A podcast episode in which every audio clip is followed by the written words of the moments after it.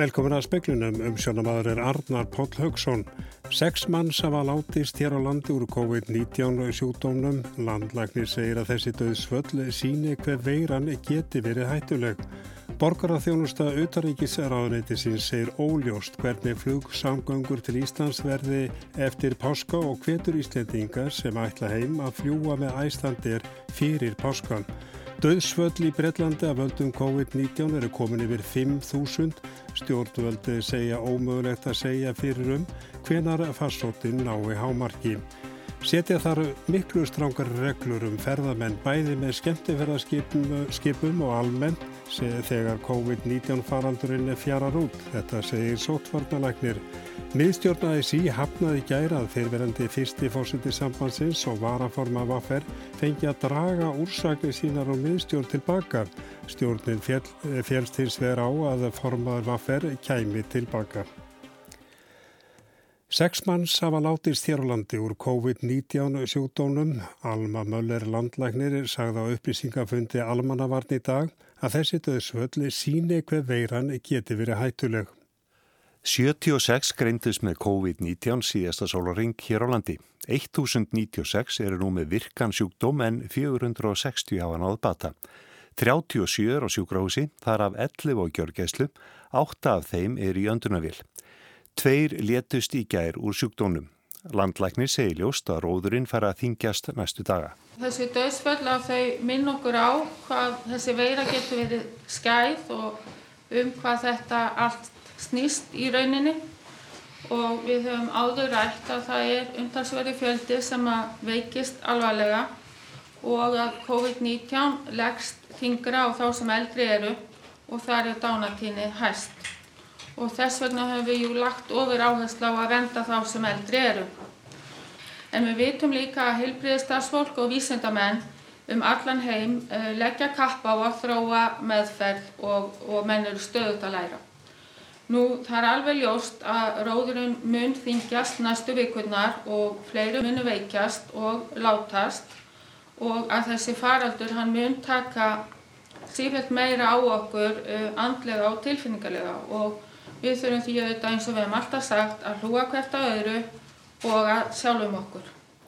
Þetta var Alma Möller, Kristján Sigur Jónsson tók saman Borgararþjónustu utaríkisráðleitisins hvetur Íslendingar sem stattir eru erlendis að heikja á heimferð til að nýta sér ferðir æslandir til Íslands fyrir páska. Í brefi borgararþjónustunar til Íslendingar sem stattir eru erlendis segir að æslandir fljúi frá Lundunum og Boston næstu daga, auk þess sem flói sér frá Stokkólmi á morgun og Alicante á Spáni á miðugudag. Þessar ferðir eru samkvæmt samkómalagi sem Íslensk stjórnvöld gerðu nýlega við Æslandir og gildir til 15. apríl sem er á miðugudag í næstu viku. Borgararþjónustan segir flugsamgöngur ekki falla niður með öllu eftir þann dag en ensi ekki ljóst hvernig þeim verði háttað. Í brefi borgararþjónustunar kemur fram að flug með öðrum flugfélugum en Æslandir gæti fallið niður þótt að virðist enn vera á áætlun samkvæmt bókunarsýðum félagana. Hafi flug ítrekka verið felt niður síðustu daga síða sterk vísbending um að svo verði einnig með flug sem er á áætlun næstu daga. Borgararþjónustan hefur einnig vakið aðtekla á því við Íslendinga sem stattir eru í bandaríkunum að þeir sem hafa ekki lögmæta ástæðu til að framlenga dvöl sína í bandaríkunum umfram það sem esta ferðaheimil þeirra segir til um fái ekki sjálfkrafa framlengingu á sinni esta áritun og að þeir sem dvelgiðar fram yfir gildistíma áritunarinnar megi búastu því að sæta endurkomibanni til bandaríkjana. Jón Hákon Halldórsson saði frá. COVID-19 farsóttin hefur dreyið yfir 5.000 til dauða í Breitlandi heilbriðis ráðneiti í Lundunum með greindi frá þessu á Twitter sittiðis. Þar sagði alls hefðu 439 dái síðastliðin sólaring og því var í fjöldinu komin í 5.373. 852.000 hafa smittast af koronaveirunni í Breitlandi svo að staðfest sé. Baróttu teimir ekki stjórnarinnar kom saman í morgun til að ráða ráðum sínum. Dominik Raab, utanríkis ráþæra stýriði fundinum í fjárfuru Bórisar Jónsons forsættisráþæra sem var fluttur á sjúkrahúsi í gær með mikinn hita og hósta. Á fundið með frettamönnum síðdegi sagði Raab ómögulegt að segja til um hvenar lífið færi að færast í eðlilegt horf í Breitlandi á ný. Farsóttin hefði enn ekki náð hámarki og óvist væri hvenar það yrði. Samkúmöbann er í landinu og hart tekið á því að fólk sé á ferðinni að ástæðulösu. Alls óvist er hvenar Boris Johnson losnar af sjúkrahúsi. Talsmaður hans sagði í dag að það væri alfærið undir læknum komið. Hann er við störf, þóttuðu Dominik Raab leysi hann af hólmi um óakveðin tíma. Talsmaðurinn vildi lítið upplýsa um helsu forsætisráþarans en fordæmdi falsfrettir frá Rústlandi um að hann hefði verið tengdur við öndunarvél. Ásker Tómasson saði frá. Framöndan eru skrítnustu páskar sem nú lifandi Íslendingar hafa upplifað, segir Víði Reynisson yfir lörglu þjóttn og einnig stjórnanda almannavarna. Hann hvetur til heimaveru og segir leksíu nýliðinar helgar mikla. Var ekki helgin bara ágætið sæfing? Við vorum að tala um það að vera heima um helgin og við vorum að tala um að vera heima um páskana. Það voru opnaðar fjöldahjálpastöðar fyrir Íslendinga sem að festust upp á heiðum og þetta bjarga. Björgunarsveitnum björguðu nást 100 Íslendingum úr vandraðum um helgina. Er þetta ekki bara komið gott? Ef við ekki bara slaka á núna um helgin og vera heima og taka páskana bara í róliðheitunum í fjárfundi með stórfjölskyldunni. Það er ekki skynselegt að bjóða stór, stórfjölskyldunni mat ef að í þeim hópi er fólk í áhættu hópi og því fleiri sem er að koma saman því meiri líkur á því að smittast. Reynum bara að halda þessu í hæfilegum hópum og nota þá bara tæknina. Þetta verða skrítni páskar og skrítnustu páskar sem að flest ákominu lifa þannig að við þurfum að vera, hvað hugmyndar ekki í því hvernig við leysum páskamáltína þetta árið held ég. Þetta var Víði Reynisson. Setja þar miklu strángar reglur um komu ferðamanna bæði með skemmtiverðarskipum og almendi þegar COVID-19 faraldurinn fjarar út að mati Þóróls Guðnarssona sótvarnaræknis. Hann sagði á upplýsingafundi almannavarni í dag að framöndan væri mikil vinna við að skipuleika hvernig samkomiðbanni og öðrun takmörkunum verða aflétt í áfengum. Mikilvægt sé að aflétta takmörkunum smám saman til að komi vekk fyrir að faraldurinn er blossu upp aftur líkt og raunin hafi verið í Singapúr og víðar. Áallega er að næsta skemmt er að skýt með erlendu ferðamennum komi yngan til lands kringu 21. mæ en ekki ljóst hvort að því verður. Ég held að það sé algjörlega ljóst að við þurfum aðeins að endur skoða þessar reglur sem hafa verið í gangi um komu ferðamanna frá skemmtiferðarskipum. Við þurfum að setja miklu strángari reglur ef við ætlum að hafa samræmi í því sem við erum að gera bæði með strángar takmarkani hér innanlands að þá þurfum við að vera með það líka fyrir farþega á svona stórum skipum og reyndar túrista sennilega almennt. Þið sagði Þórólu Guðnarsson á upplýsingafundi almannavarna í dag. Flugstjóri Vél Æslandir tókst að halda hægri vænga hennar á lofti í 12 sekundur eftir að hægra aðalega hjóla Stelle gafsi í lendingu á Keflavíkurflugvelli í februara þessu ári. Vængurinn er dróst eftir flugbreytin í 48 sekundur. Fyrstu niðurstöð benda til þess að ró í lendingarbúnaði hafi verið, ekki hafi verið að réttri stærð. Þetta er meðal þess sem kemur fram í bráðabæðarskíslu rannsóknar nefndar samgöngurslisan sem byrt var í dag. Ein mínúta og 12 sekundur liður frá því að vélinn lendi á Keflavíkurflugvelli þar til hún stöðvaðist. Rauðu áhættustífi var líst yfir á flugvellinu vegna atviksins, 166 vorum borð en engin slís urðu á fólki. Miðstjórn Alþjóðsambans Íslands hafnaði gær Ósku Viljáms Birgissonar formans verkefliðsfélags Akranes og Hörpu Sæfastóttur var að formans var ferrum að úrsakli þeirra og miðstjórn eru dregna tilbaka. Það var gert vegna formsadriða, segir Ragnar Þór Ingólfsson, formar var ferr. Miðstjórnum fjálst hins vera á að úrsögn hans er þið dreygin tilbaka. Við vorum einfallega að svara kalli okkar eh, félag innan verkefnisreifingarnar. Eh, félaga sem að eh, töluðu mjög ákaft um það að mikilvægt væri núna fyrir reyfingun að standa saman í staðin fyrir að sundrast. Segir Ragnar Þór, hann segir að sáttatilbúið þeirra þreiminninga hafi verið hafnað. Framhaldið í sjálf sér verður það að Ég munum svo sem ekki taka hennar ákvarðinir hér eftir öðruvísin að gera það innan á stjórnarborði Vaffer. Þannig ég er búin að búa til uh, stjórnarfundar hjá Vaffer á morgun og við munum bara fara yfir stöðuna uh, þessar niðurstöðu alþjóðsambansins og taka síðan sameila ákvarðin út frá þessari stöðu sem upp er komin. Og þetta snýst árið ekki lengur um personur og leikandur, þetta snýst fyrst og fremst um félagið uh, vaffer og félagsmenn okkar og stöðu okkar innan allt því sambansins. Þetta var Ragnar Þór Ingólfsson. Bransin er nánast botfrósin og staða sjálfstæðra listamanna þung búið að fresta eða aflýsa öllu og það á sjálfur í ársáttiða vertiðinni. Allt tónlistar og leiklistar streymið sem nú er í bóðu upp á liftir andanum en ekki eru allir á því að það hjálpi pingju listamanna.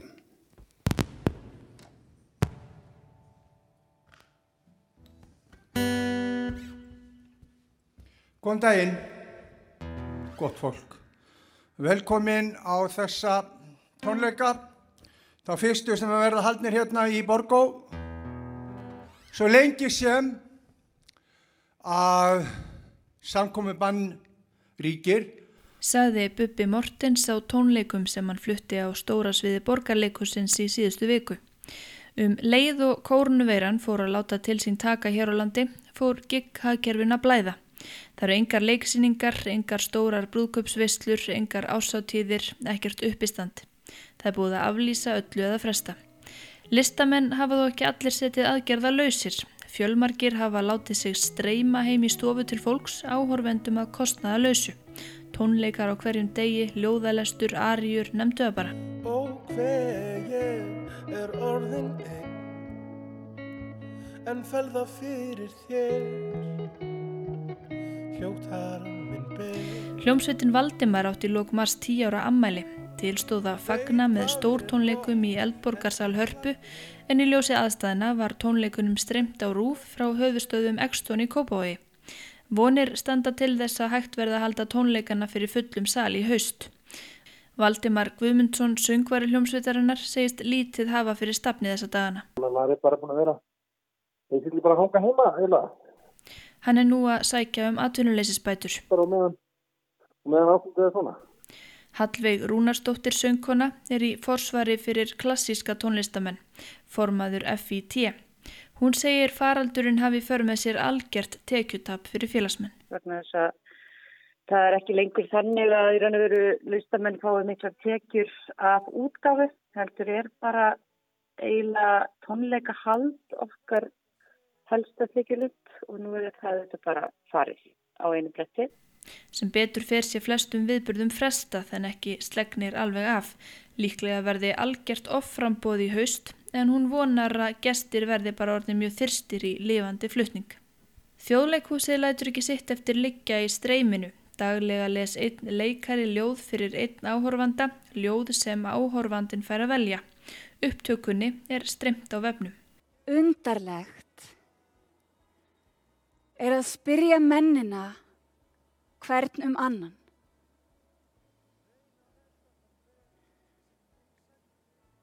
Undarlegt að spyrja þá um friðin, um ástina. Þarna mátti heyra brotur flutningi Láru Jóhannu Jónsdóttur leikonu á ljóði Nínu Bjarkar Árnadóttur. Það eru engar síningar, engar æfingar á stórum stykkjum, stopnarnir reyna að miðla listinni og finna um leið verkefni fyrir fastraði starfsfólk.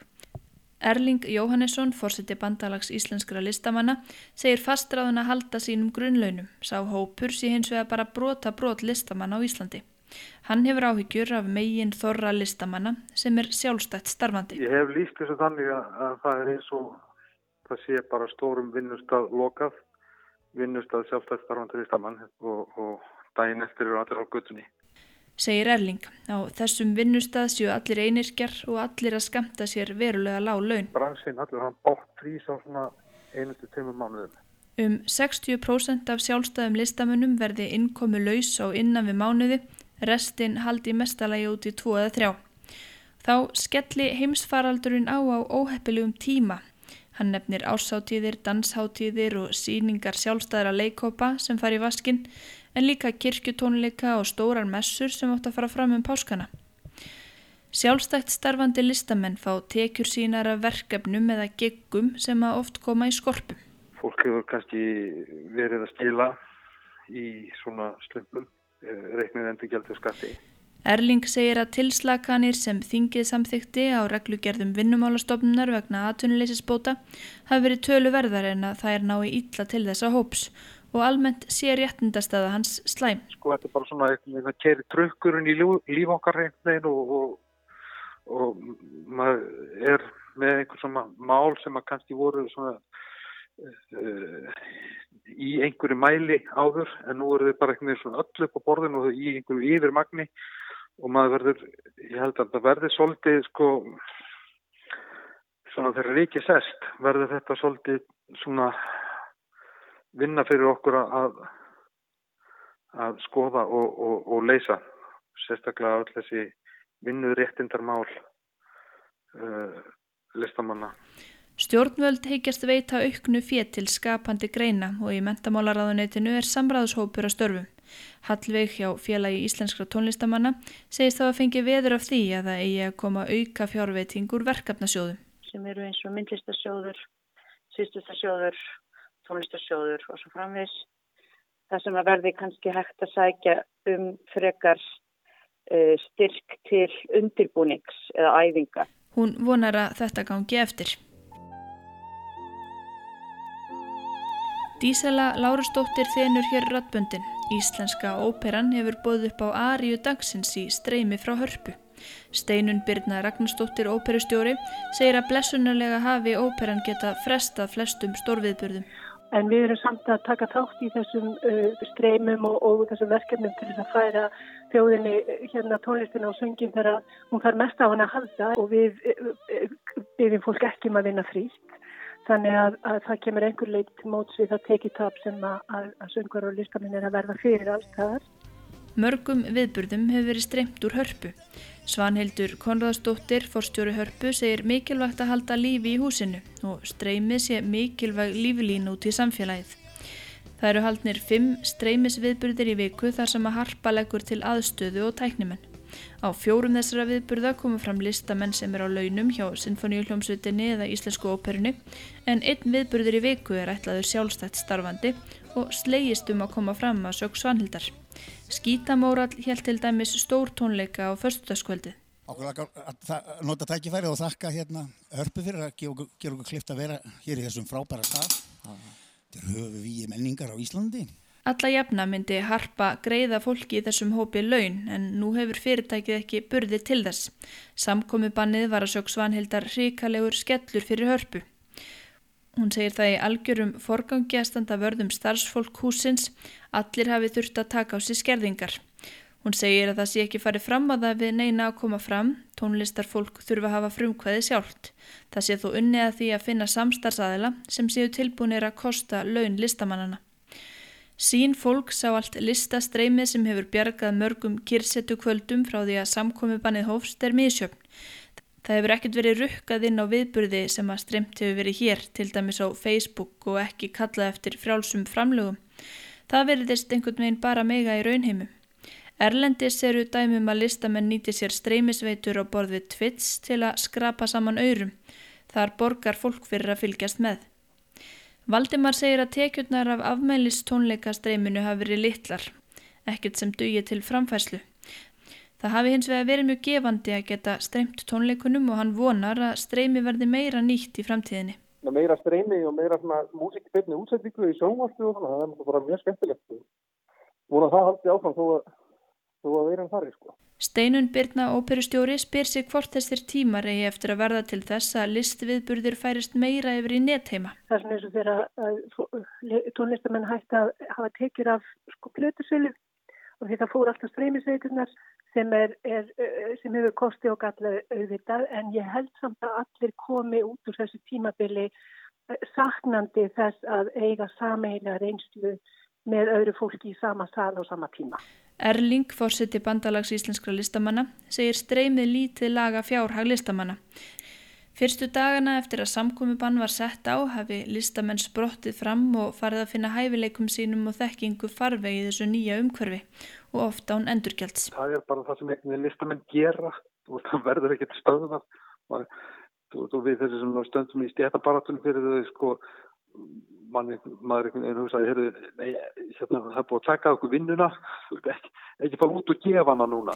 Erling hefur líka áhyggjur af höfundaréttar greiðslum og samþykki nú þegar verið sé að flytja ljóð og streyma gömlu leikefni. Það virðist hafa verið brotalamir þar.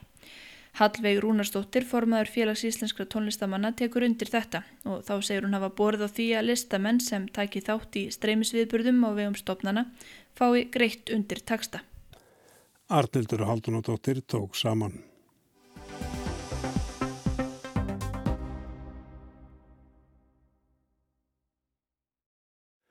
Formaður sjúkralega félags Íslands hefur rítað öllum fórstjórum heilbriðirstofnana bref þar sem fariði fram á að ákvæði í kjærasamningi um sérstakar greiðslur vegna álags verði virkjað.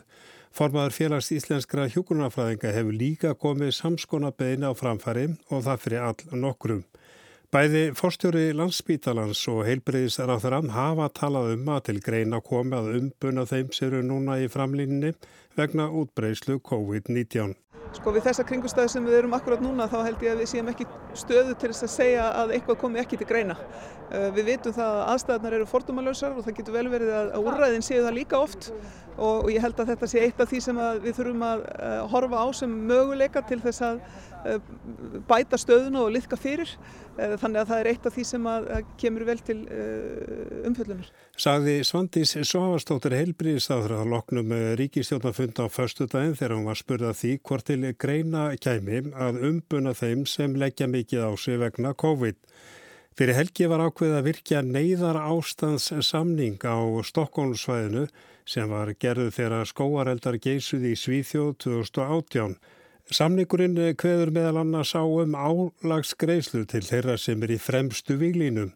Hann nær núna til allra sem starfa á gjörgæslum spítalana á stór Stokkónsvæðinu.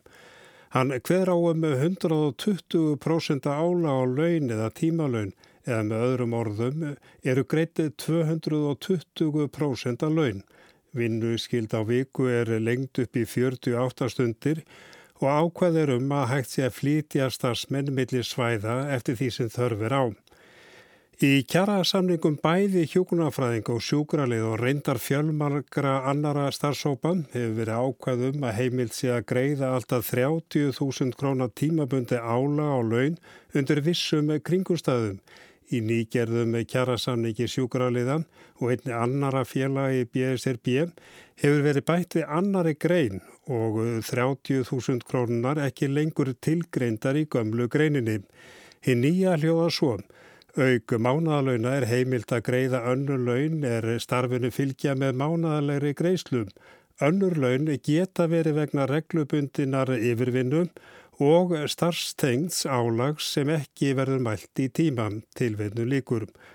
Sjúkrarlegar vitna í þessa greini brefið þeim þeir senda á förstu dag öllum fórstjórum og framkvæmtastjórum heilbreyðistofnun á landinum þar sem er til að greinin verði virkjuð. Álægi sem hér um ræðir hefur náð nýjum hæðum og við því verður að bregðast með sérstökum álagsgreislum, segir meðal annars í brefinum. Hjúkunarfræðingar vitnaði gömlugreinina þar sem hverjir á um alltaf 30.000 krónur. Farslega má búast við að henni verði breytt í kjara viðræðunum sem að staði hafi yfir í eitt ár. Sáttafundur í deilu hjúkunarfræðing og ríkisins var haldin í dag í gegnum fjarfundabúnað Annar fundur eru bóðar á morgun, þá verður ekki tala saman í gegnum tölfur heldur munu samningarnemndinar mæta í hús. Fækkað hefur verið í nefndunum og séði til þess að tilskili bíl sé milli manna. Það á eftir að komi ljós hvort þetta fyrirkomlag skilar betri árangri en fjár fundur.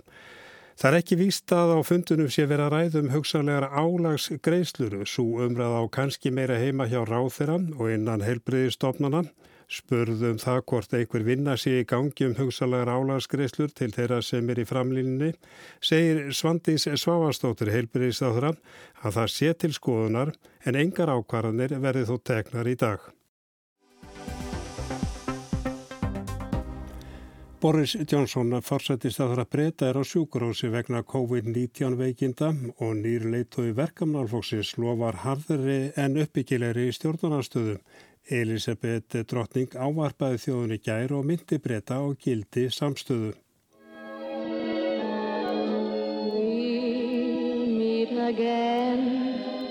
don't know where, don't know where.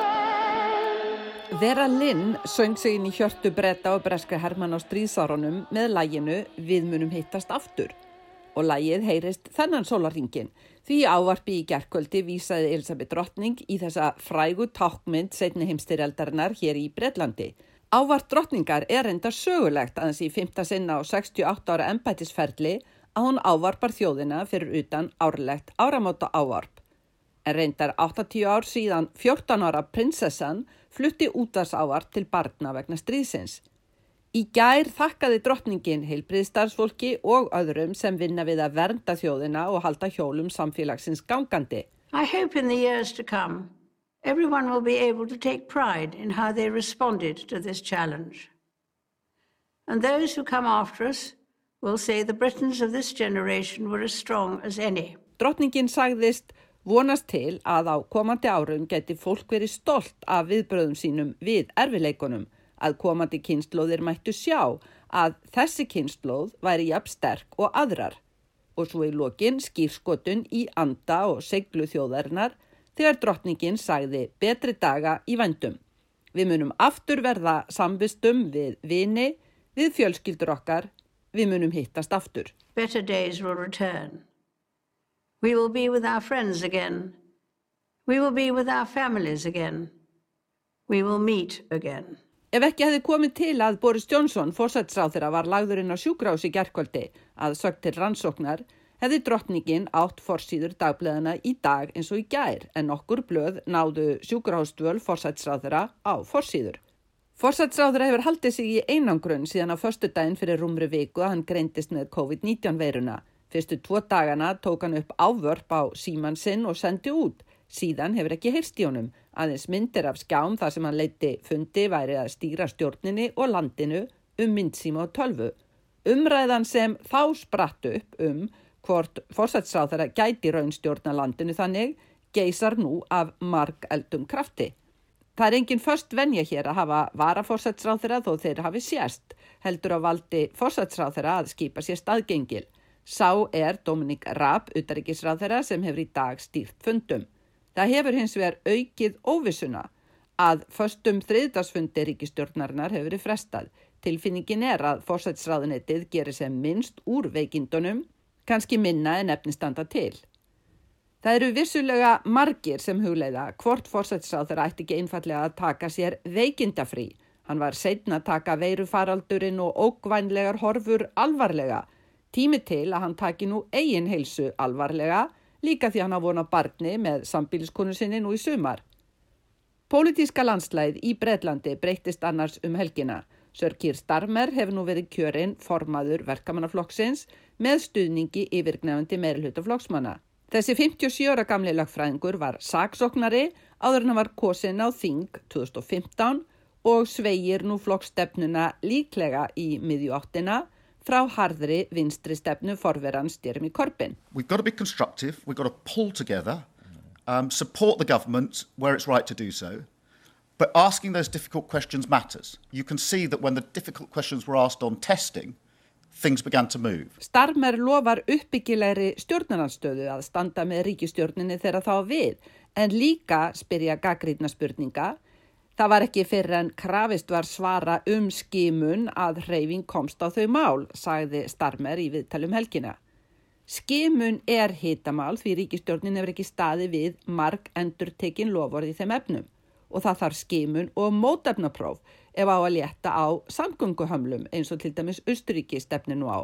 Spurning hvernig það gerist hér eins og Tony Blair fyrir um fórsætsráðra og leðtó í verkamannaflokksins nefndi í viðtali í morgun. You have to lock down the entire country even though those that require isolation are probably only a small proportion.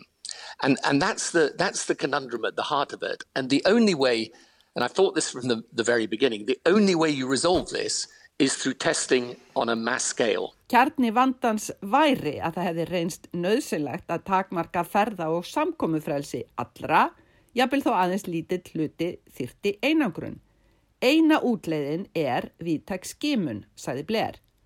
Veirufaraldurinn geysar með sjúkan fórsætsráðara og styrkanleið tóa stjórnaranstöðunar hafa skipast veður í pólitíska loftinu hér, allavega í byli. Sigrun Davísdóttir saði frá en speiklunum er lokið veriði sæl.